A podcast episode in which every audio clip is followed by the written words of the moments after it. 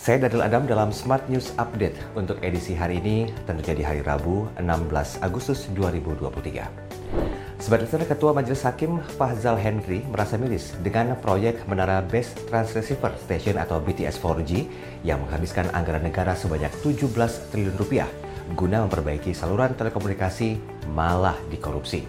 Proyek ini pun dikelola oleh Badan Aksesibilitas Telekomunikasi dan juga Informasi, Kementerian Komunikasi dan Informatika dengan anggaran negara puluhan triliun rupiah tersebut yang seharusnya dapat membantu berbagai program pemerintah termasuk pendidikan nasional menjadi terhambat. Apalagi pembangunan proyek BTS 4G yang terus dilakukan pada masa pandemi COVID-19 itu sangat penting untuk mendukung keberlangsungan pendidikan di tanah air.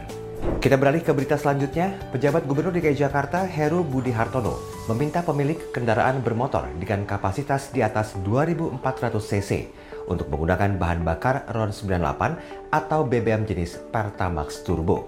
Heru mengungkapkan polusi udara yang menyebabkan buruknya kualitas udara di Jakarta belakangan ini disumbang dari penggunaan kendaraan bermotor. Berita terakhir, Badan Pusat Statistik mencatat Indonesia telah mengimpor beras selain beras khusus sebanyak 1,17 juta ton sejak Januari hingga Juli 2023. Impor utamanya berasal dari Thailand dan Vietnam. PLT Kepala BPS Amalia Adi Ninggar Widyasanti mengatakan bahwa impor beras ini nilainya mencapai 672,7 juta dolar Amerika Serikat atau setara sekitar 9,6 triliun rupiah. Sekian berita hari ini, sampai jumpa dalam Smart News Update berikutnya.